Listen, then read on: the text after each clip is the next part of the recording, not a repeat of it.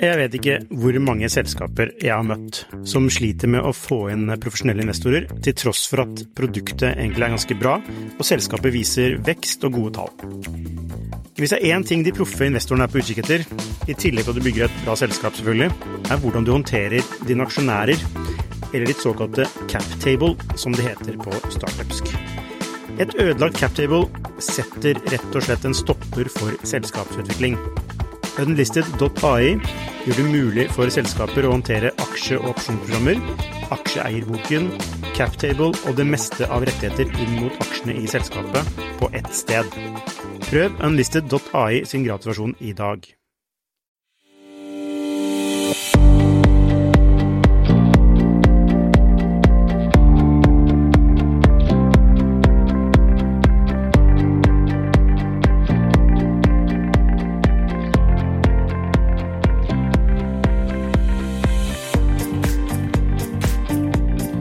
Hei og velkommen til Skifters podkast. I dag har jeg med meg Cecilie Ystnes Myhre. Hun har lang erfaring som mentaltrener for næringslivstopper, idrettsutøvere og folk innen kultursektoren. Hun er også forfatter og har skrevet bøkene Mentaltrening og den nyeste boka Stå støtt. Slik lykkes du med ledelse, ansvar og press på jobben. Velkommen, Cecilie. Tusen takk. Eh, og du nevnte før, eh, vi, før opptaket her at, vi, at du, denne den siste boka di nå skal ut i pocket, stemmer det? Ja, det stemmer. Det er alltid et uh, godt tegn. Da blir den billigere for markedet, og jeg vet at salget har gått bra. ja, ikke sant. Så bra. Du, la oss gå rett på sak. Hva er mentaltrening? Ja, Mentaltrening er jo nesten det samme som fysisk trening eller personlig trening. Det handler jo om å sette en mental, mentalitet i system og kontinuitet, sånn at man blir sterkere da, i huet til å kunne tåle livets opp- og nedturer. Ja. Men er det, altså for det, mentaltrening er jo litt sånn ord som har kommet de siste årene. Jeg føler kanskje med han derre Erik eh, eh Bertrand eh, har jo også brukt det ordet mentaltrening. Eh, men altså, hvordan, det, hvordan, skiller det seg fra måte, coaching? Ja, det er et veldig godt spørsmål. For det første vil jeg jo si at Mentaltrening er anvendt psykologi, nesten sånn praktisk psykologi. Eh, så det er jo evidensbasert, men det handler jo mer om hvordan vi kan bruke psykologi Eh, uten at vi f.eks. har en diagnose eller er i store problemer. Så som sagt det. Eh, mens coaching er jo et yngre fagfelt. Eh, det er jo bare 30 år. Eh, og har en helt annen faglig tilnærming med, med basis av eh, jeg tror det var Richard Bandler og, og en som heter Grinder, som, som på en måte har, er bygget en si, approach på det. Mens uh, psykologi er jo mye eldre og, og, består av veldig mange ulike typer tilnærminger. Mm. Mm. Eh, tenker du, eller som meg, da, altså handler det hva, det handler det egentlig om å måtte bli sett og hørt og bli litt guidet? Er det, er det, er det så enkelt som det? Veldig godt spørsmål. Uh, ja, jeg tenker at vi alle har det der genuine Eh, behovet som du sier med å bli sett og hørt. Og, og, og, det å komme til en person som meg, er, det gjør du jo der. Det blir du der, og det kan gjøre mye. Eh, å sette ord på ting og bare bli lyttet til. Men, men eh, jeg, først og fremst er mine kunder ganske sånn kravstore i forhold til at de forventer å sitte igjen med en ganske konkret verktøykasse på hvordan de kan jobbe mentalt med seg selv etter den prosessen med meg. Målet er jo å gjøre seg uavhengig av meg. og og kanskje trene mer på å se seg selv, lytte til sine egne behov, og så vite hva gjør jeg med det når jeg ønsker å optimalisere potensialet mitt. Mm. Mm. Så hvem er typiske klienter som kommer til deg? Ja, jeg må jo si at jeg har nok de ganske sånne klassiske high achievers. De, de, de er ambisiøse, de kjenner seg selv ganske godt. Eh, men ønsker å, ønsker å, få til det lille ekstra i samfunnet, da. Eh, veldig mange med fantastiske intensjoner om å eh, bidra og sette et fotavtrykk på samfunnet til det bedre. Og i en sånn fase, enten de skal bygge opp et selskap eller lede en stor organisasjon, ja, nå et VM eller OL og, og, i så fall være en rollemodell for mange andre, så, så, ønsker de seg verktøy som kan hjelpe de å gå utenfor komfortsonen veldig ofte. Mm. Ja. Så hvis man kommer til deg, da, hva, hvordan, hvordan, ser en time ut hos deg? Ja, eh, I starten så jobber vi jo mye med å bare bli veldig godt kjent. Eh, og, og, Da handler det jo også om å gå litt tilbake i fortid og se hvem er du og hva, hvem og hva har påvirket deg til hvem du er i dag. Eh, og så identifiserer vi eh, Kall det de tingene som kanskje står i veien for at du får ut ditt potensial oftere. Eh, eller som du mener er egenskaper som vil ta deg nærmere målet ditt fremover. Og da, basert på de tingene, så vil jo jeg legge opp til det man nesten kan kalle en treningsplan. da. Så det er litt det samme som å komme til en PT som sier at ok, hvis du har lyst til å nå gå fra det å levere på en sprint til et maraton, da må vi jobbe mer med kondisjon og hams, en sterk lårmuskulatur, så identifiserer jeg hvilke mentale muskler du, du vil trenge, og et treningsprogram basert på det. Ja, for det, du blir ikke bedre hvis du ikke måte, trener mellom hver sesjon? Nei, altså er de kundene mine er ganske busy, så det hender jo selvfølgelig at de glemmer litt det her hva vi blir enige om å øve på. Men, mm. Eh, men, det er det som er så fint med psykologi. Da. Du kan liksom innlemme det i nesten alt du gjør. Um, så det er derfor vi har ganske sånn ofte samtaler, fordi da blir det, disse samtalene en sånn god anledning til å stoppe opp i hverdagen, eh, ta litt dette makroperspektivet og reflektere over de verktøyene, og hvordan man kan innlemme det i hverdagen. Mm. Mm. Ok, du, I boka di så, så, snakker du om uh, de fem s-ene. Altså, boka di er bygd opp rundt, altså Den siste boka di er bygget, bygget opp rundt de. Det er altså Én er selvbevissthet, så er det selvledelse, selvomsorg, uh, styrkekilder og sterke team. Um, hva ligger i selvbevissthet? Ja, I selvbevissthet så mener jeg at det handler om å kjenne seg selv godt. Eh, kunne faktisk sette ord på hva styrkene dine er. Eh, kanskje hva som skjer når de får overslag og blir eh, svakheter. Eh, og rett og slett kjenne etter hva, hva er det jeg ønsker å, å, gjøre mer av eller mindre ut for å, for å få et bedre liv. Ja. Så jeg opplever jo det at det er et veldig sånn godt utgangspunkt for å kunne lede seg selv også bedre i hverdagen. Mm. Men hvordan, hvordan, blir man selvbevisst? Ja, Det er et veldig godt spørsmål. Jeg tenker jo for det første dette med å stoppe opp og reflektere litt. Eh, vi vet jo f.eks. at team som stopper opp og reflekterer rundt sin egen atferd, hva funker, hva ikke funker, de presterer jo bedre. Altså Det betyr at de får mer ut av det potensialet i gruppa. Og Det er litt det samme på individnivå. at Hvis vi aldri stopper opp og reflekterer rundt oss selv og hvordan du påvirker eh, andre mennesker eller dynamikker i, grupper, så, så, kan det være ofte at vi går gjennom og gjør de samme feilene, da, om man kan si det sånn. Mm. Eh, så eh, jeg opplever jo at i hvert fall mange av mine kunder som, som går mye utenfor komfortsonen. Dvs. Si at de også gjør kanskje ting de ikke nødvendigvis har erfaring med fra før av. Der lærer man seg jo veldig fort å bli kjent med seg selv. Eh, da gjør det ofte litt sånn vondt, og da, da kjenner man jo liksom på ja, hvem er jeg, og eh, hva er det jeg har utfordringer på, og hva er det jeg mestrer veldig bra. Ja, for Du, var, du, du nevnte det i min setning at det gjør litt vondt. for Jeg, jeg, jeg regner med at det er en sånn viktig del av det. at det, det, må, liksom, det må jo være, ær, det må være en ærlighet knytta til det. Ja, det å kjenne seg selv, ja. ja. ja. For det er jo liksom, det er ikke alltid like lett der å, å se våre egne blindsoner. Så, så, så, men det blir vi ganske tvinget til eh, når vi går ut av komfortsonen. Jeg tenker sånn en hel, veldig, egentlig en digresjon, men hvis man tenker på dette Kompani Lauritzen, som mange sikkert sitter og ser på på lørdagskveldene, så ser man jo der at veldig mange av de som stiller opp der, de ønsker på en måte å lære seg selv å kjenne bedre. og et av verktøyene for å gjøre det, er jo å gå utenfor komfortsonen i situasjoner det ikke nødvendigvis har vært i før. Um, mm. hvordan, blir man, hvordan, blir man, kjent med seg selv av å være i, altså utenfor komfortsonen? Nei, fordi at du strippes egentlig veldig for kall det vanene og det du naturligvis gjør hver dag. Så du, du blir på en måte stående litt igjen med deg selv, da. Mm. Ditt ærlige selv. Ja. Og se hva du har å jobbe med og hva du er lagd av. Eh, men en annen approach også, som jeg tenker handler veldig mye om å øke sin egen selvbevissthet, det er jo å være god på å ta imot eh, tilbakemeldinger ja. Eh, fra mennesker som kjenner deg godt og som vil deg vel. Mm. Ja, det er jo Altså, det må være superviktig, jeg tenker jeg, akkurat den der biten der. Fordi det handler om å ta, ta imot input om seg selv, eh, som kan være litt skummelt. Eh, hvordan, altså, hvordan gir man feedback, og hvordan tar man imot feedback? Ja, det er et godt spørsmål. Det er mange gode spørsmål i dag. Den du sier. Ja, ja. ja.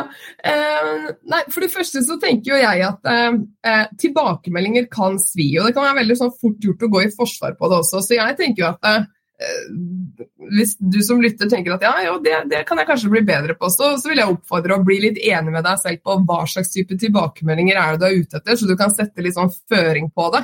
Eh, og hvem ønsker du å gi makten til å gi de tilbakemeldingene og faktisk påvirke deg. Så hvis du klarer å da liksom navngi eh, fire-fem personer som du ønsker å spørre, så, så, tenker jeg at da har du liksom allerede gitt de tillit, og du har satt litt føring på hva du ønsker tilbakemeldinger på. For du trenger ikke tilbakemeldinger om alt, alltid. Eh, og så handler det jo veldig mye om da, tenker jeg, å være veldig nysgjerrig på de tilbakemeldingene. Eh, nysgjerrighet er jo en sånn eh, grunnfølelse vi alle har, som er fantastisk for læring og vekst. Så klarer du å være nysgjerrig, lytte godt, ta imot uten å gå i forsvar, utforske det litt, så syns jeg det er en veldig sånn godt grunnlag for vekst. da. Ja, men uh, hvem er det som klarer det? Hva sa du? Hvem, hvem, er det som klarer å ta imot uh, sånn type feedback uten å gå i forsvar? For det er jo sånn du, altså, du, du nevner i bisetninger sånne veldig ekst, ekstremt viktige ting, føler jeg. Sånn som altså, eh, smerte, eh, gå i forsvar. Det er, altså, det er en naturlig menneskelig reaksjon, da, å, å, måtte, å, gå i forsvar, da, når, når, man møter en slags friksjon eller noe uten Altså noe som påvirker deg negativt, fordi det, du får kanskje en sånn følelse av at du har mindre verdi, og så går det liksom, og går litt på sånn selvoppholds... Eh, overlevelsesdriften. Eh, den der, hvordan klarer du å møte ting med et åpent og nysgjerrig sinn? Hva er nøkkelen der? Ja, jeg mener jo at det er i disse forberedelsene du gjør, da. At ikke du bare går ut i en arbeidshverdag og tenker at i dag skal bare søke random feedback fra hvem som helst. Du, du, Nei, igjen, ja. du, liksom, tillit er en faktor som gjør at du unngår å gå i forsvar, fordi du, har, du kjenner at er, det, er spennende, kanskje, å få tilbakemelding på dette her. Det er gøy å få tilbakemelding fra denne personen. Mm. Eh, det er en du stoler på, det er en du respekterer. Så det er én ingrediens som jeg tenker gjør at du sjansen for at du går i forsvar, blir mye, mye mindre. Ja. Og så må man aldri undervurdere det der å ha tatt en beslutning. Så hvis du liksom tenker på at jeg har én oppgave når jeg nå tar imot uh, denne tilbakemeldingen, det er å være nysgjerrig, stille åpne spørsmål, eh, ikke konkludere og rett og slett lytte. Eh, da har du jo bestemt deg for hva du skal ha fokus på, og da øker du sjansene for å ikke gjøre det motsatte. ja, ikke sant. Ja. Og, og et nøkkel er kanskje at man altså, Den personen må vil, må tenke at den personen vil deg vel, på en måte. Ja, det er det jeg sier. Altså, jeg, jeg, tenker at det å få feedback og be om feedback fra mennesker du i utgangspunktet ikke har tillit til, det er et veldig mm. dårlig utgangspunkt. Ja, ja. ja. ikke sant. Uh, og, men, men, som du sier, uh, du var litt inne på det, vi snakket litt om det rett i forkant, men henger dette sammen med altså, målsetninger? At du måtte du må ha et mål om hvor du ønsker å gå, og på den veien så ønsker du å få feedback. Henger det sammen? Ja, altså jeg tenker jo at uh, veldig mange av uh, oss i dette samfunnet ønsker å bli bedre på noe. Uh, det betyr også, må jeg nevne i denne setningen her, at det, det betyr ikke at ikke vi ikke tenker at vi er gode nok som vi er i utgangspunktet. er ikke noen motsetning. Men mange av oss syns at det er gøy å utvikle oss. Og da Eh, vet vi jo gjennom f.eks. For forskningen til Anders Eriksson, en svensk psykolog som har forsket mye på deliberate practice, eh, som også Andrew Duckworth har hengt seg litt på med dette med grit. Hva, hva, er det som kjennetegner de som virkelig, virkelig blir gode i noe? Jo, og de er jo veldig gode på å sette seg mål. Så er de veldig gode på å få feedback. Så rask feedback, masse tilbakemeldinger underveis. Og så evaluerer de slik at de kan justere treningen sin. Eh, så ja, det hjelper å ha et eh, bestemt fokus eller mål dersom du ønsker å bli bedre. Og så er tilbakemeldinger da en vesentlig, kjempeviktig eh, faktor i det. Mm. Mm. Vil du si at det å, evne, altså det å, være flink på å ta imot feedback og bruke det til å, å, utvikle seg selv, vil du si at det er en sånn en av hvis man skal liksom trekke ut fram kanskje tre sånne superkrefter man kan utvikle, da, vil du si at det er en, en, sånn, en av de tre superkreftene? Ja, det ville jeg definitivt sagt. Ja. ja. Mm, nettopp. Så det er, eh, hvis, hvis, det er én ting, altså hvis man kan gjøre én ting da, etter å ha hørt på denne episoden her, så er det sånn bli god på å ta imot feedback. Bli god på å ta imot feedback og gi feedback, ja. Mm, og så gi feedback, ja. Hvorfor det? Hvorfor gi feedback?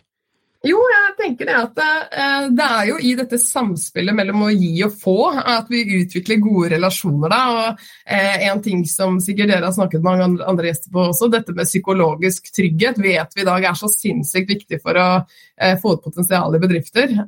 og da er jo tilbakemeldingskultur veldig viktig i det. Mm. Hvordan det gis feedback og hvor åpen og god man er på å ta imot det, er helt essensielt. Så enten det handler om å bli best i verden i golf, eller det handler om å få takhøyden på kontoret, slik at man jobber mer effektivt og har det bra, så er tilbakemeldinger eh, en superpower, ja. Ok, Men du, hvordan gir man feedback, da? Hva er en fin måte å gi feedback på? Ja, Det er ja, en veldig godt spørsmål. Jeg tenker at Det kommer litt an på hvem du spør. Eh, vi som har vår bakgrunn i psykologi og ledelse, vi er jo trent i å trene andre på at her har du en sånn klassisk modell du kan gi tilbakemelding på. Mm. Enten det er liksom si to positive ting og en stretch, eller eh, vake inn eh, en ubevisst kommando osv. Men jeg tenker at eh, en god tilbakemelding, den er ærlig. Eh, den er velmenende, og, og, du som avsender er, er, god på å sjekke av om det nonverbale kroppsspråket ditt matcher det du faktisk sier. Så vi vet jo at hvordan du sier det, og hvordan du nesten sånn uh, ser ut når du gir tilbakemelding, er enda viktigere nesten enn hva du sier i seg selv. Jeg har lest en bok som heter eh, Non-Verbal uh, Nei, Non-Violent Communication, som egentlig er veldig interessant, hvis du ikke har lest den. men der snakker de om å gi feedback eh, som måtte, ikke er truende, men som likevel klarer å kommunisere poenget. Eh, og med truende så er det altså gi sånn type feedback som at du er, versus eh, at du ikke klassifiserer handlingene som noe positivt eller negativt, men du klassifiserer hva det får deg til å føle når vedkommende handler på en eller annen bestemt måte. Fordi eh, det er visstnok en forskjell da, på det, og at noen forteller deg altså hva du er, versus at de forteller deg hva de opplever at du er. Ser du den nyanseforskjellen? Helt klart. Støtter meg totalt opp om det. og eh, Det å snakke mer om hvordan en annens atferd kan påvirke en eh, fra det perspektivet, er ganske sånn ufarliggjørende. Og så unngår vi jo å personalisere da, eh, i en tilbakemelding, eh, som jo også er ganske viktig. Utover det så syns vi i Norge har masse å gå på på å bygge opp en såpass god tillit i bunn i relasjonene våre at vi kan med fordel bli liksom flinkere til å ta litt mer rake pucker. Men igjen, det, det, betyr ikke nødvendigvis at man skal ta imot kjipe karakteristikker. Det, det, er jo ikke konstruktivt. Så, men det å gi konstruktive, tydeligere tilbakemeldinger til hverandre, sånn at vi istandsetter oss selv og hverandre til å mestre mer i neste situasjon, f.eks., mm. det, det tenker jeg vi, vi, trenger å øve oss på i, i et samfunn nå som uh, ja, det, det, kreves agile ledere, agile medarbeidere. Ting skjer såpass fort at hvis vi skal gå mye rundt grøten, så blir det en stor tidstyv i seg selv. ja. Ok. Um, selvledelse. Uh, altså, uh, hvis man begynner med, du, Vi snakket om selvbevissthet og kjenne seg selv. Uh, og um, du skriver at når du, når, du selv, når du, kjenner deg selv, så har du godt utgangspunkt for å regulere deg selv. Du må kjenne deg selv før du kan regulere deg selv. Men hva ligger i selvledelse? Ja, Det er jo da evnen til å liksom se ok, her er mine styrker, her er mine svakheter. F.eks. dette med at jeg, jeg, tør ikke å gi tilbakemeldinger til lederen min i den grad jeg kanskje burde gjøre. Eh, så, så, er det fint å vite det, men, men, det er litt kjedelig å ikke kunne handle eh, på det. Mm. sånn at eh, det å da regulere seg selv, det mener jeg da er at eh, ok, du, du vet at det er utgangspunktet, men du handler på det likevel. Eh, men, men, det er klart at det er jo min hypotese og grunn til at jeg elsker eh, anvendt psykologi. Det er jo fordi at eh, jeg tror flere hadde ledet seg selv og andre mer effektivt hvis de visste litt hvordan de skulle gjøre det. Mm. Så f.eks. også hvis man vet at nei, nå er jeg skikkelig sliten, jeg sliter med dårlig søvn, eller jeg eh, ja, har utfordringer med å ta kontroll på et veldig høyt spenningsnivå, så er det fint å vite. Men hvis du ikke vet hvordan du da skal gå frem for å få bedre søvn eller regulere eget spenningsnivå, så, så er det jo fort at man bare blir på, blir på stedet hvil. Mm. Altså, okay, så, du, altså, okay, så, du, snakker mer om sånn, altså noe, altså noe fysisk? Ja, f.eks. Men det kan også være det at eh, jeg kan få en kunde som sier at vet du hva, jeg er veldig god på å problemløse, og, og i åtte av ti settinger så funker det veldig bra, men eh, noen ganger også så har jeg da tendens til å overtenke, gruble, ta med meg ekstremt mange bekymringer inn i helgen. Eh, men jeg vet ikke helt hvordan jeg stopper den tankekverna. Og hvordan jeg kan få til disse skiftene eh, mer effektivt. Og da må man jo vite hvordan man skal gjøre det, og det er der vi finner veldig mange gode verktøy i psykologi og ledelsesfaget. da. Ja, eh, Du snakker jo om dette her, tankekverna i boka, du snakker om eh, dette med bekymringer og dette med grubling. Eh, altså hvor du sier at grubling er mer sånn eh, på ting som har skjedd før, som du grubler over, mens eh, bekymringer handler om ting du er redd for vil skje i fremtiden. Um, er det mye Altså, er det et stort problem at folk grubler og bekymrer seg for mye? Nei, jeg, skal, jeg, har ikke noe siste data på det. Har du ikke en sånn gru, grubleindeks? Jeg har ikke en grubleindeks, men, men, eh, men, ja. ok, men for å si det sånn, da. Eh, blant dine klienter, som er, eh, altså, som er liksom fremste i næringsliv, idrett etc., er det en utfordring for dem at de grubler mye og, og, og bekymrer seg for mye, som, som, som, et hinder i å få videreutvikling?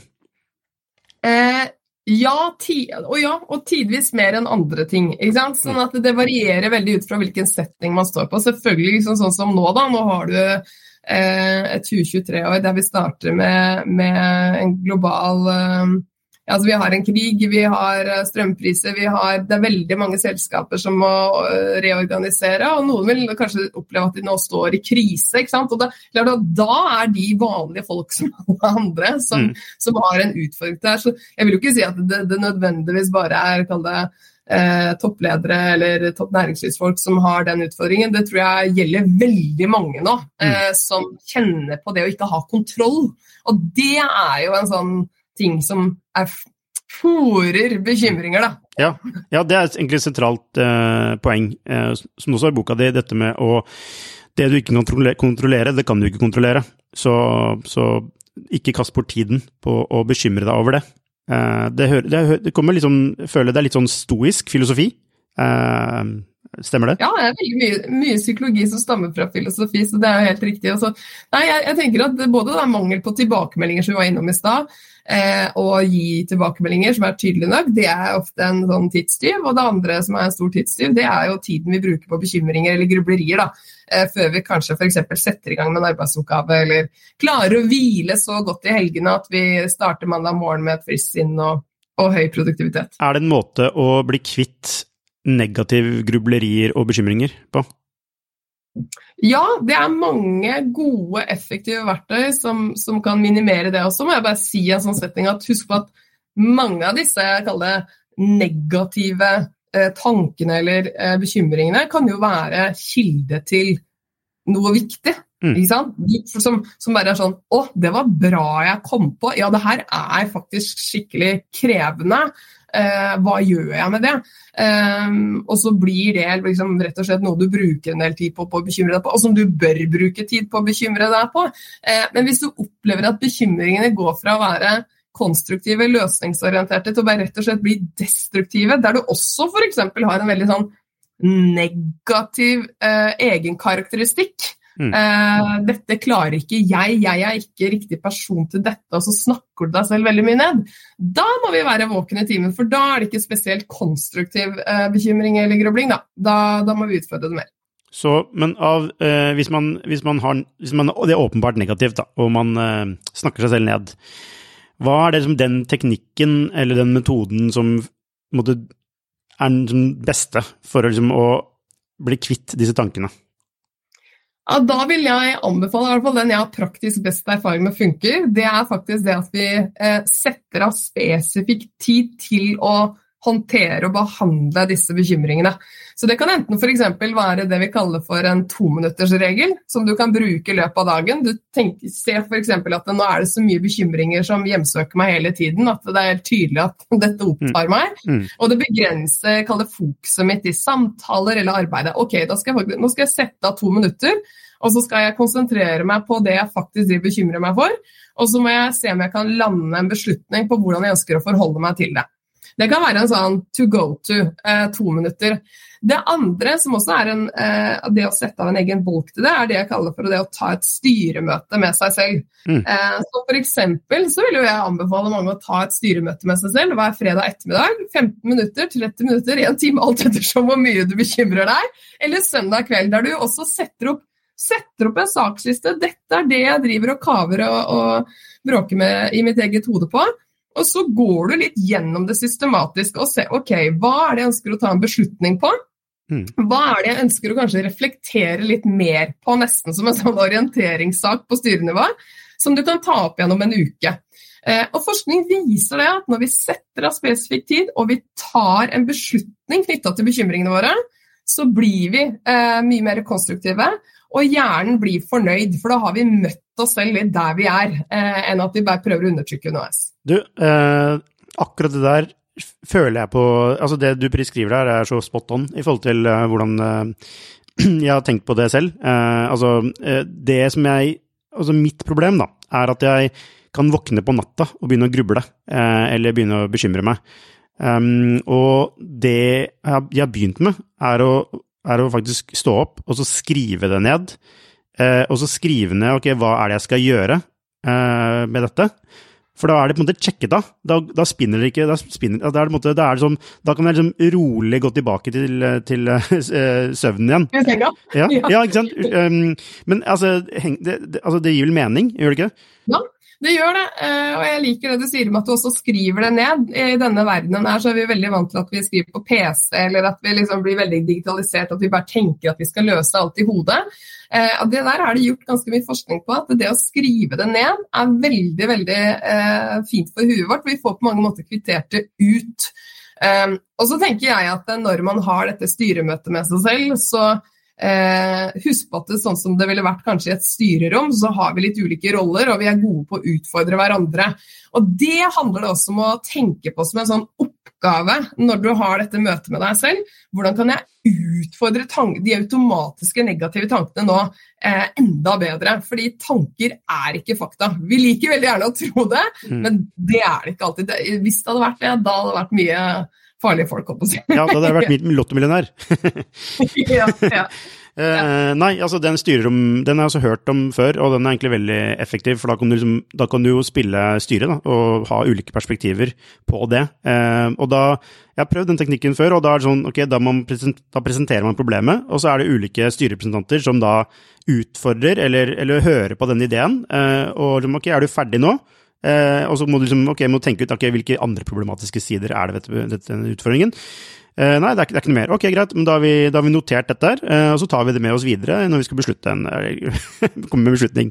Eh, og så, altså, merkelig nok så fungerer det egentlig veldig godt. Ja, hjernen liker å, å se, få konsentrert tid rundt noe, og ikke minst lande på, om ikke det er en endelig beslutning, så i hvert fall en foreløpig beslutning på hvordan vi skal forholde oss til det. Så eh, Det er mange som sier at det starter på toppen. Eh, mye starter på toppen, og det gjør det litt med vår, vår, egen mentalitet og kultur i oss selv også. At vi må, vi må gi hjernen litt rom for hvile og konsentrasjon noen ganger, også når det gjelder til denne tankevirksomheten. Ok, eh, Punkt tre selvomsorg. Eh, det er jo en ting jeg faktisk jobber med aktivt nå, selvomsorg. Eh, jeg har slitt litt med det, men eh, jeg har fått fortalt at det er egentlig veldig bra. Og du, du peker på en fatter i boka di, Kristin Neff, som jeg også har lest boka til, Self Compassion, som er en helt fantastisk fin bok. Men hvorfor er det viktig å ha selvomsorg? Ja, det er så viktig fordi det tar av, tenker jeg, da, først og fremst mye press og det istandsetter deg til å få litt lavere skuldre, eh, se mulighetsrom, sette ting i perspektiv. Eh, og det er en veldig sånn fin føring på hvordan vi kan snakke til oss selv og også eh, behandle andre mennesker. Jeg tenker at Det å gi omsorg til andre mennesker i mange ulike settinger vet vi er liksom jeg vet ikke hvor mange selskaper jeg har møtt som sliter med å få inn profesjonelle investorer, til tross for at produktet egentlig er ganske bra, og selskapet viser vekst og gode tall.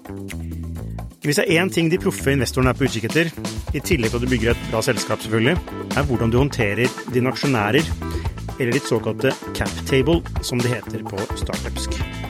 Et ødelagt cap table setter rett og slett en stopper for selskapsutvikling. Unlisted.ai gjør det mulig for selskaper å håndtere aksje- og opsjonsprogrammer, aksjeeierboken, captable og det meste av rettigheter inn mot aksjene i selskapet på ett sted. Prøv Unlisted.ai sin gratisversjon i dag. veldig fint. Det gjør oss trygge og gode. Og det samme handler jo da om å gi oss selv den samme omsorgen. Og noen er jo litt redd for at man tenker at åh, blir ikke det her litt sånn offerrolle osv. Men det er veldig stor forskjell på selvmedlidenhet og selvomsorg. Hva er forskjellen? Nei, Selvmedlidenhet, da handler det mer om å ta den offerrollen, at det er synd på meg, og, og nå må jeg bare ligge nede håper å si, og, og, alle må være her for meg. Eh, er, du vet mm. sikkert også at en god venn kan være ganske tøff. ikke sant? En mm. god venn kan gi deg en klem og så si du, men nå må du komme deg opp på beina og kjøre på videre. Det her klarer du. Um, så jeg tenker at man må bare finne en sånn eh, kommunikasjon med seg selv som man kjenner er omsorgsfull på en sånn måte at det spiller deg god. Og det er litt forskjellig fra person til person. Ja, men her er jeg kanskje litt uenig med deg, for det er det liksom ikke et element av begge deler. Eh, hva, I forhold til hva som er nyttig, tenker du? Nei, jeg tenker sånn, Er det ikke litt sånn ålreit å ha litt selvmedlidenhet eh, med seg selv, eh, så fremt det ikke får overslag? Det vil si eh, altså at du på en måte kan, kan synes litt synd på deg selv, eh, samtidig som du må ha en konstruktiv vei ut av det, eh, som er mer sånn selvomsorg, da. er det ikke sånn, er det sånn Eller er, mener du at man kategorisk ikke skal være selvmedlidende?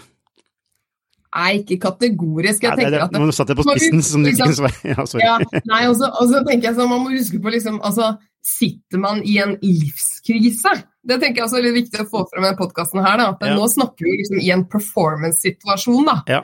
Du, du, skal, du, skal, som toppleder f.eks. ta en kjempeviktig beslutning for selskapet i morgen, eller du, du, skal gå inn i et rom og holde en, en presentasjon som setter føringer på børsen. Mm. Det er klart at da, da, er selvomsorg eh, ganske viktig, og ikke liksom bli i den grøten.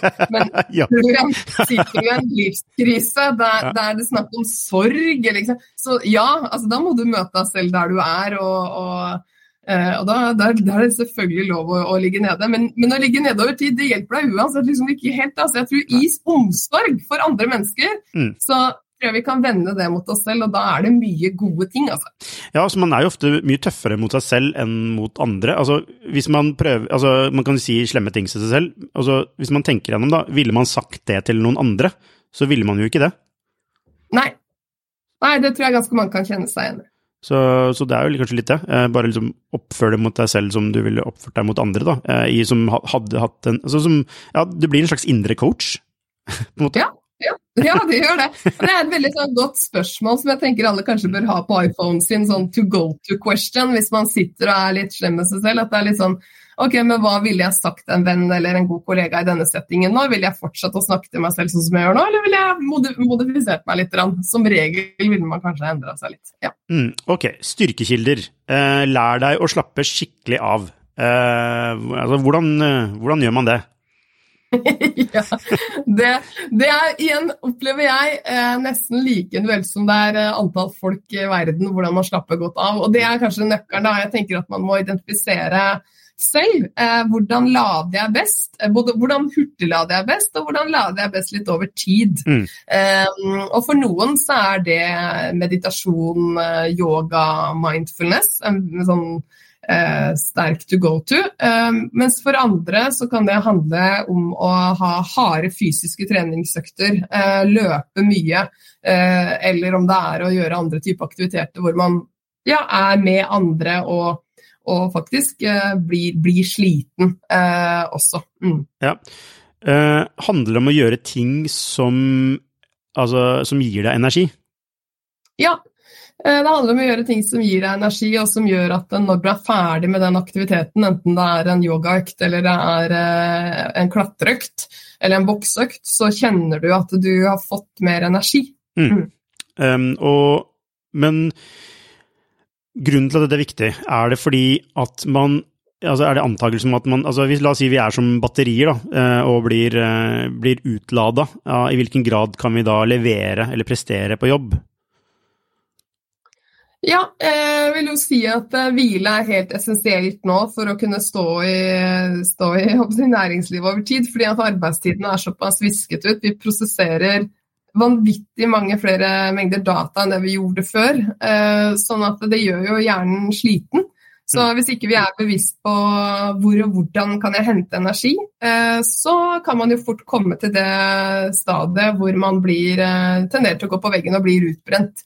Og vi vet jo også det etter pandemien nå, at det er det er, det er, mange sykemeldinger ute, og folk er ganske kjørt. Mm. Så, så, det der å sette hvile på agendaen, eller styrkekilder på agendaen, da, det mener jeg er uh, veldig viktig. Vel så viktig som å snakke om prestasjonen, uh, rett og slett. Ja, så her er en ting som jeg har tenkt på mye. i forhold til sånne, Jeg har inntrykk av at sånne næringslivstopper gjør sånn sport i å jobbe mest mulig, eller altså jobbe ja, veldig, veldig mye. Uh, men når man ser på sånn idretts Altså, nå, nå må du, dette må du korrigere meg på, for dette har jeg ikke ordentlig peiling på, men jeg har bare en sånn idé om at folk som driver med sånn toppidrett, de bruker egentlig mesteparten av tiden sin på å hvile, eh, og så yter de maks når de skal, eh, mens eh, det virker som det er en sånn greie i næringslivet at man skal liksom jobbe hardt hele tiden, og ikke, ikke få den energien som gjør at du kan prestere super, superbra. Da. Er det, tar jeg helt feil, eller, eller stemmer det?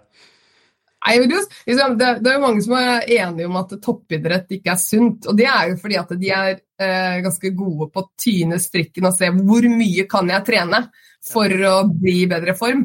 Men de er også liksom de Siden fysisk kaller liksom, slitenhet merkes kanskje litt sånn oftere bedre, så tvinger de jo ofte til å sette hvile på agendaen. Og da blir det jo litt sånn er du på en treningsleir, så legger du deg og sover midt på dagen og hviler til økt nummer to osv. Eh, men, men det er mange idrettsutøvere som ikke får det til på toppnivå fordi de også er for dårlige på å hvile, så er det sagt. Mm. Eh, men, og, og, så tror jeg vi skal være litt sånn forsiktige med sammenligning nå, fordi det er klart at i næringslivet det er, det er så utvaska eh, eh, hva skal jeg si, arbeidstider eh, enn det det var liksom, på 80-tallet nærmest. At, eh, og det er så mange flere varierte arbeidsoppgaver at det krever veldig mye mer av hjernen mm. eh, å skape rom og tid for effektiv hvile. Da. Når du kommer hjem fra jobben, så skal du kanskje hente dattera di på fotballtrening og kjøre sønnen til noe annet, og så skal du rydde huset, og så setter du deg kanskje ned en halvtime, og så må du ta opp e-posten din. Så jeg opplever ikke egentlig at folk tenker at det nå handler om å legge ned flest mulig timer, men jeg syns de oppriktig har utfordringer med å finne rom ja. eh, i en hverdag der vi er veldig tilgjengelige. Ja, Det er bra du nyanserte det på en bra måte. Eh, jeg er jo egentlig helt enig med deg når du sier det. Eh, ok, kanskje problemet er at vi egentlig bombarderes med ting eh, vi må ta stilling til, altså valg vi må ta hele tiden. som gjør at det blir altså, ganske kaotisk. og, og altså både personlig, men også, også, også jobbting da, som du hele tiden må forholde deg til. Um, ja. Så det er kanskje, kanskje et større grad mm.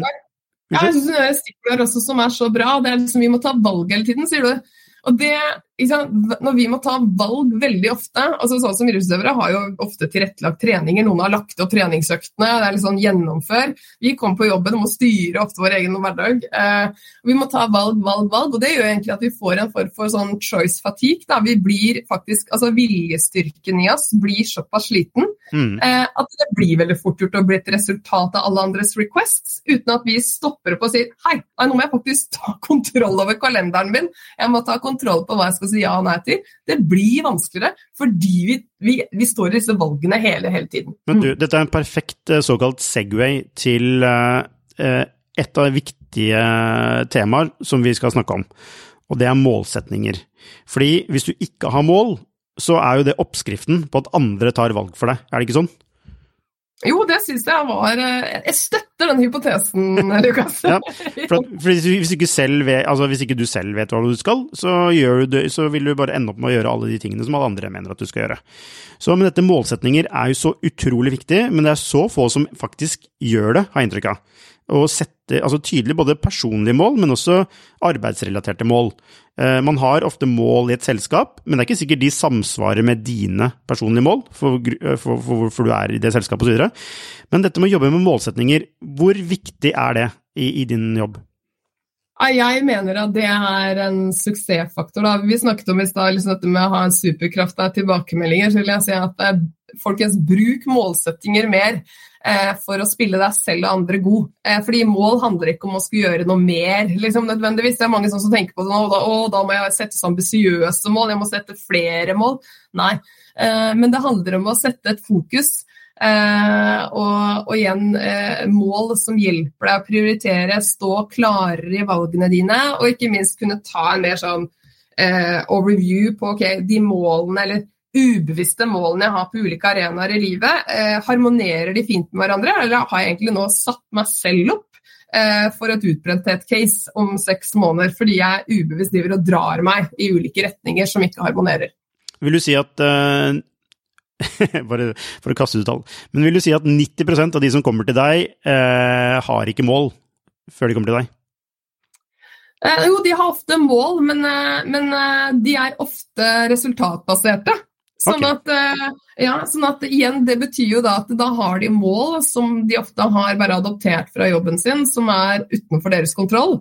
Så hvis jeg tar syretesten og spør deg ok, men hvis dette er resultatet du skal oppnå av jobben din, hva er, hva er, da dine prosessmål? Hva er aller viktigst for at du setter deg i posisjon til å nå det?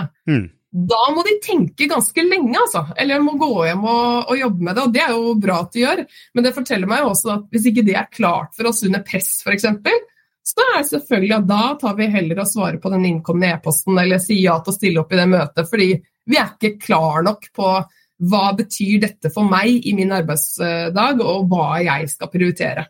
Veldig interessant det du tar opp med resultatmål versus prosessmål. Eh, et prosessmål det kan du, måte, der kan du kontrollere hva du skal gjøre. Det vil si, det kan være at du skal gjøre x ting 17 ganger, f.eks. hver dag, eller whatever, men det er i hvert fall prosessen. Mens resultatmålet er jo avhengig av mange andre faktorer som du ikke styrer over. Altså, du kan eh, gjøre ting med prosess som gjør deg i stand til å kunne få det resultatet, men, kan, men resultatmålet i seg selv er ikke noe du kan kontrollere. Hvor viktig er det å forstå dette her? Jeg mener at det er helt essensielt, fordi at det, det, går på så mange mentale muskler, da, eller ferdigheter. Det vil si at det er sånn som Negativ stress er jo ofte en følelse av ikke å ha kontroll. Så hvis hodet ditt bare sentrerer seg på resultatmålet, så vil du ofte oppleve mer stress. Du vil ofte oppleve mindre mestring.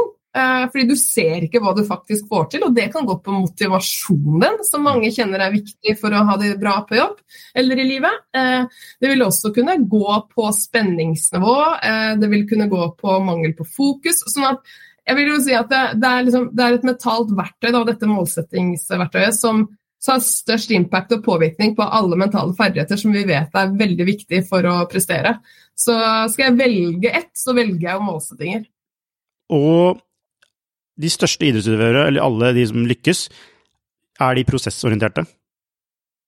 Ja, jeg vil si de er ekstremt gode på akkurat dette her. Uh, der, er de, der er de ganske rå. Det betyr ikke at vi ikke terper med de på dette her og hele tiden justerer og ser hvor kan vi hente en prosent og en annen. Det, det må jeg si, men de er, uh, de er ganske vant fra tidlig alder å fokusere på arbeidsoppgaver. Eh, det vi kanskje utfordrer dem på, det er jo hva, hva er de viktigste arbeidsoppgavene når du kjenner at du skal pushe deg selv veldig hardt, da, for da må du velge. Da mm. kan du ikke ha liksom, ti arbeidsoppgaver, du må, du må velge to-tre. Um, men de er ganske gode på det, og det hører du. Jeg hørte jo på hun som nå vant uh, i Kvitfjellet i helga. Uh, liksom, hva, hva, skal til for at du kjenner at du er fornøyd med dette løpet i dag? Er det at du, du liksom får en god plassering? Nei, det er jo det at jeg kjenner at jeg har gjort en god jobb på arbeidsoppgavene mine. Mm. Så, så, du hører det i intervjuer, og de er ekstremt drilla på å fokusere inn på arbeidsoppgavene og prosessmålene. Hvordan klarer man det? Å egentlig frigjøre, altså ironisk nok, frigjøre seg fra resultatet men eh, knytte altså glede til altså prosessoppnåelse. Ja, eh, jeg tenker igjen så handler det jo om å stoppe opp litt og reflektere rundt akkurat den problemstillingen. kanskje spille ball med en annen kollega eller en person som er på det, og jobbe med aksepten på det. da. og aksept er jo også et, mener jeg, veldig viktige verktøy eh, for alle mennesker. og Man må huske på at aksept ikke handler om å resignere, eller det handler bare om å stoppe å bruke energi på de tingene vi faktisk ikke kan kontrollere. Mens vi ikke bruker, stopper på å bruke tid på ja, hva er det jeg da må slippe? Og er det ok? Kan jeg, kan jeg gå inn i en arbeidshverdag hvor jeg kan tåle det? Hva innebærer det? Hvordan kan jeg snakke til meg selv rundt det? Mm. Da er det vanskelig. Så, men igjen så er det faktisk den derre som vi går tilbake til mange ganger, vi må stoppe opp og reflektere rundt det. og Eh, noen ganger syns mennesker det er litt vanskelig å sette det litt sånn i systemet og få en god føring på den indre samtalen, og det er derfor jeg har en jobb. At jeg kan hjelpe mennesker med det. Mm. Eh, men mye løser man selv ved å hvert fall få stoppe opp og tenke og reflektere rundt akkurat det der. Men du, dette med aksept er litt vanskelig, fordi det, da, det, er som å si at her setter jeg et punktum. Jeg kan, jeg kan ikke kontrollere det, mens man vil jo alltid prøve å finne en måte å kontrollere det på. Ja, og det er derfor jeg tenker at det kan være viktig å heller prøve å trekke spørsmålet ned til hva kan jeg påvirke? Eh, hva, kan jeg, hva, kan jeg, hva, kan jeg, ikke kontrollere? Eh, hva kan jeg påvirke, men ikke kontrollere? Og mm. hva er innenfor min kontroll? Det er sånne tre spørsmål som jeg tenker er, kan også være en sånn to go to på en iPhone eller en PC noen ganger når man står overfor en problemstilling. Um, mm. for Man må huske på at liksom, litt de spørsmålene vi stiller oss selv, da, det setter jo også føringer på hva slags svar vi får. Ja, altså dette er jo rett ut av, rett ut av altså, Du må ha lest mye historisk filosofi, for det er rett ut fra, fra det.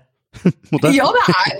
Jeg er veldig glad i filosofi, og vi har mye filosofi i kursene vi kjører. fordi at uh, Uh, det er mye gull der, altså. Ja, De mm. var smarte back in the days. ja, altså, de kaller det faktisk det, det, de, altså, kontrollen, altså det dichotomy of control. Uh, det, altså det, altså, og tri, trikotom altså, uh, Det er en tredeling. Først var det en todeling. Det du kan kontrollere, ikke kontrollere. Og nå har det blitt en tredeling. Det du kan kontrollere, det du ikke kan kontrollere, og det du kan påvirke. Eh, som er akkurat det du sier. Eh, og, og, man må lære seg å fokusere Altså, veien til lykke, da, som, og for dem var lykke altså eh, tranquility, altså fred. Eh, det var å fokusere på ting du kan kontrollere, og droppe ting du ikke kan kontrollere. Det blir, skaper bare stress, eh, som er jo det du sier. Um, men, og det er en sånn fin kartleggingsoppgave alle man kan gjøre når man hører på den poden her nå kan man liksom prøve å skrive ned alle de tingene man gjør i løpet av en dag, og så kan man eh, dele det opp i to kolonner. Hva er innenfor min kontroll, hva er ikke innenfor min kontroll. Så det handler om å få det litt sånn eh, opp på, i frontallappen og bli litt mer bevisst på det. Mm. Absolutt. Ok, eh, vi har snakket om målsetninger, vi har snakket om indre dialog og selvsnakk. Eh, det siste eh, punktet som er, du mener er, er, en sånn gjenganger, er altså, dette med arbeidsfilosofi slash altså lederfilosofi. Hvorfor er det viktig? Jeg ville si at det å være klar på sin egen lederfilosofi eller arbeidsfilosofi sier noe om hvordan ønsker du å oppføre deg mot deg selv og andre. Det er en guide på din atferd. Mm. Eh, så du vil stå mye stødigere eh, under press eh, og ta valg som tar deg nærmere eh, hvem du er og hva du står for. Um, og elementene hvert fall vi i Raw Performance jobber med for at mennesker skal, skal klare å artikulere dette her eh, og bruke det som et verktøy, det er jo å starte med liksom, hva er din visjon? Mm. Eh, eller nesten litt sånn Hvorfor eksisterer du, tenker du? Man kan jo trekke dette veldig langt hvis man vil det. Eh, men også dette med å kunne svare på eh, hva er mine viktigste verdier. Hva, er viktig for meg, hva gjør meg glad, hva gjør meg sint? Og det å kunne da sette ord på det, gjør det jo lettere å finne jobber som du trives godt med, kjenne hvilke mennesker du vil samarbeide bedre med, osv. Men det der er ikke så lett. Altså, det er sånn veldig spesielt egentlig at man ikke skal vite hva man selv liker, eh, men det er ikke så lett å, å finne sin, sine verdier. Jeg, jeg, jeg, jeg syns i hvert fall ikke det. Jeg syns det er supervanskelig. Fordi ja. det er det som Altså, hvis du kommer i en liste med 100 verdier, da, så vil man måtte, mer eller mindre si seg enig i alle, ikke sant? Altså, man, man vil jo altså, være fremoverlent, være empatisk, det å være Ikke sant, alle disse Altså, det er ikke sånn man ikke vil være det. Uh, men Det er vanskelig liksom, å argumentere på hvorfor ja. den verdi er mindre viktig i utgangspunktet. Jeg er veldig enig i det. Ja. Jeg tror det er veldig normalt at du sier det. det altså, og det er liksom derfor jeg sier at det her handler veldig mye om eksistensiell psykologi. Altså, det er eksistensielle spørsmål, store spørsmål, eh, som jeg tenker også kanskje vi vil svare litt annerledes eh, på ut fra kontekst, og ikke minst hvor vi er i livet, eh, og hvilken arena vi, vi snakker om. Eh, men er du en person som, som er ambisiøs, du liker å gå ut av komfortsonen, pushe deg litt, mm. så er det viktig mener jeg, å prioritere det type arbeidet til å kunne i hvert fall lande på noe som gjør at du kan navigere under press litt bedre. og også være dette samfunnet i dag hvor vi har en tendens til å sammenligne oss selv veldig mye med andre. Eh, så, så, tror jeg det er enklere å stå støtt i seg selv hvis vi klarer å sette litt ord på hvem jeg er og hva jeg står for. For meg så har i hvert fall det vært både som gründer og mentaltrener veldig deilig i forhold til at ok, dette er hvem jeg er, dette er hva jeg står for, dette eh, det er, det er, dette jeg skal ta eh, valgene basert på. Hvem jeg samarbeider med, hva jeg takker ja til og nei til. Mm. Eh, det har vært en sånn kilde til veldig mye glede, da. Mm. Eh, jeg intervjuet uh, Jakob Skram, Skram, uh, Schram, tidligere Norwegian-sjef, tidligere McKinsey-fyr. han, han, sa at altså, det aller viktigste er hans verdier. Altså, han sier, og når det er som mørkest, så er det en sånn guidende lys. Det, det, forteller han hva han skal gjøre når, han, når det er vanskelig, som vanskeligst. Da. Eh, så det er en måte å redusere antall valg på. Altså er, du, har har tatt, noen beslutninger eh, rundt hvem du er, og ergo er det disse valgene du bør ta. Men spørsmålet mitt er hvor mange verdier skal man ha? Fordi hvis du har for mange verdier, så vil de slå, altså vil de slå hverandre i hjel. Altså noen verdier kan jo gå på i konflikt med hverandre, f.eks. Eh, det å være ambisiøs versus det å være f.eks. Eh, jeg vet ikke, empatisk. da. Det kan måtte være situasjoner ok, skal jeg være ambisiøs og kjøre på her, eller skal jeg være empatisk, og Så, videre. så hvor mange verdier skal man ha? Jeg, eh, må gjerne ha så mange verdier du vil, men jeg, jeg, tenker at eh, det kan alltid være lurt å skrelle det ned til kanskje maks tre-fire stykk. fordi jeg opplever i hvert fall at folk har veldig vanskeligheter med å huske noe mer enn det. Eh, og det som er så også fint ved å kunne sette ord på verdiene sine, er jo at vi blir mye mer forutsigbare for andre folk. Så vi skaper mye mer denne tilliten og tryggheten hvis vi kan sette ord på det. Og nettopp derfor også tenker jeg det er lurt å, å ta det ned til maks tre-fire stykk.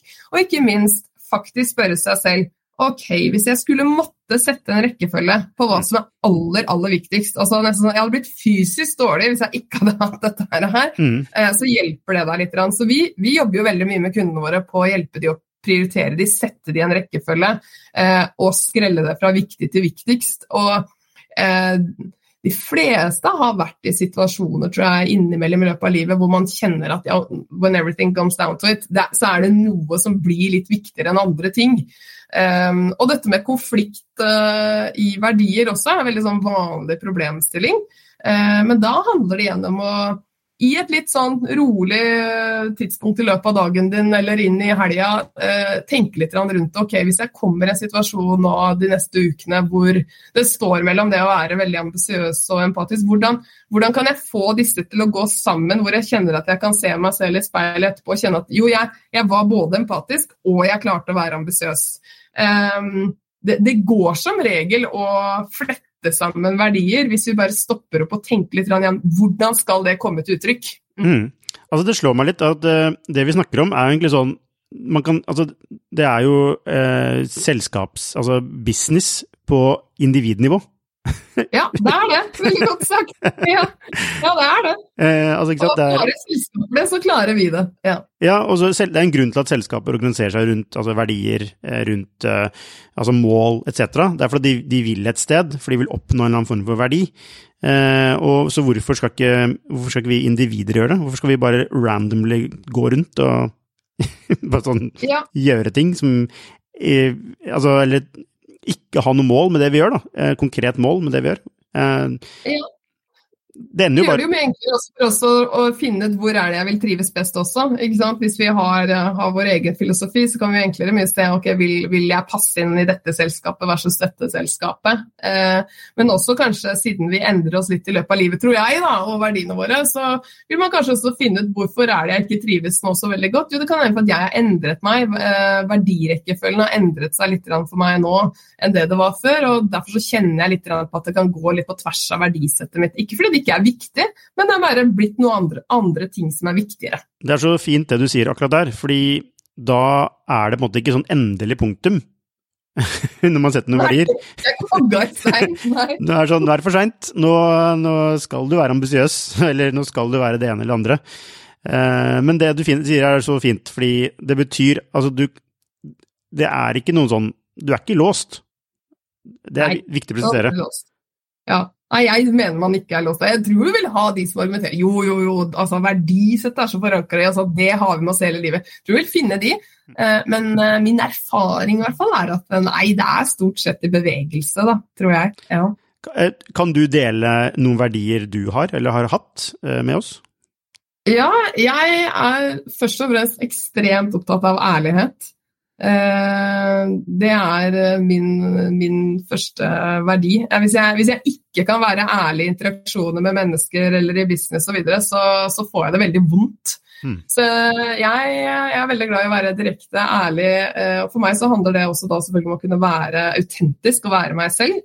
Og føle meg mye friere når jeg er ærlig og og mennesker jeg samarbeider med, setter da pris på ærlighet. og det, Derfor er det så viktig for meg å være tydelig på det også, sånn at de vet hvem de får på laget når de samarbeider med meg. At de mm. får en veldig ærlig mentaltrener. Uh, og så er jeg veldig opptatt av eh, lojalitet og frihet. Uh, jeg går ekstremt all in i, i samarbeid og er veldig committa til avtaler som er gjort. Eh, så jeg vil også reagere litt sånn hvis jeg opplever dislojalitet eller at noen går på tvers av det. Det er helt tydelig for meg, det har blitt klarere for meg med åra. Eh, og så dette med frihet, eh, tillit. Det er liksom tillit det handler om for meg, det å få frihet til å kunne få spillerom og, og, og utøve kompetansen min. Så, så, det er nok de tre som, som jeg guider etter veldig mye når jeg gjør samarbeid, og som er viktig for meg å fortelle kundene mine at de, dette er mentaltreneren du får. Mm. Eh, og håper at det er det som også vil komme til uttrykk. Da. Ja, det er jo det er jo egentlig veldig fin ting du sier der også. Altså dette med kommunikasjon av hvem du er. Det gjør jo andre i stand til å kunne ta imot din kommunikasjon på en eh, ålreit måte. Eh, hvis du f.eks. ikke visste at du var veldig opptatt av å være ærlig, så kunne de kanskje sett på deg som eh, jeg vet ikke, litt sånn brysk og litt ja. uh, kjip, kanskje? Ja. Ikke sant? Ja, det er veldig godt eksempel. Veldig godt eksempel. Um, så, så, så, det er jo um, Altså, vit hvem du er, vil hjelpe deg å kommunisere kanskje mer effektivt. Uh, fordi folk vil være mindre defensive når du Hvis du kommuniserer på en måte som er i tråd med den du sier at du er. Eh, men på den annen side, altså, kan det på en måte gi seg sånn Må man være seg bevisst på at man ikke må liksom bli altfor fanatisk opptatt av verdiene sine, for det kan bli sånn overslag av det? Altså, du Altså, du kan ikke gå for hardt inn i det? Eh, jeg er litt usikker på hva du er ute etter der, men jeg tenker jo som alt annet i livet, når noe, det blir for mye av noe, så får du ofte dette overslaget, som du ja, sier. Så, ja. det, det altså, stikk, stikkordene er for mye. det, det, er, ja, det er det for mye. Ja. Ja. Mm.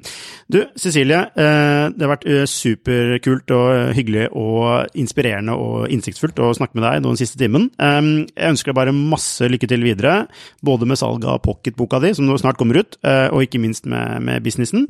Jeg heier på alle gründere. Men ja, tusen takk, og lykke til videre, Cecilie. Tusen takk for meg. Hei, hvis du likte denne episoden, så abonner på den, og gi den gjerne en femstjerners rating med dine tanker.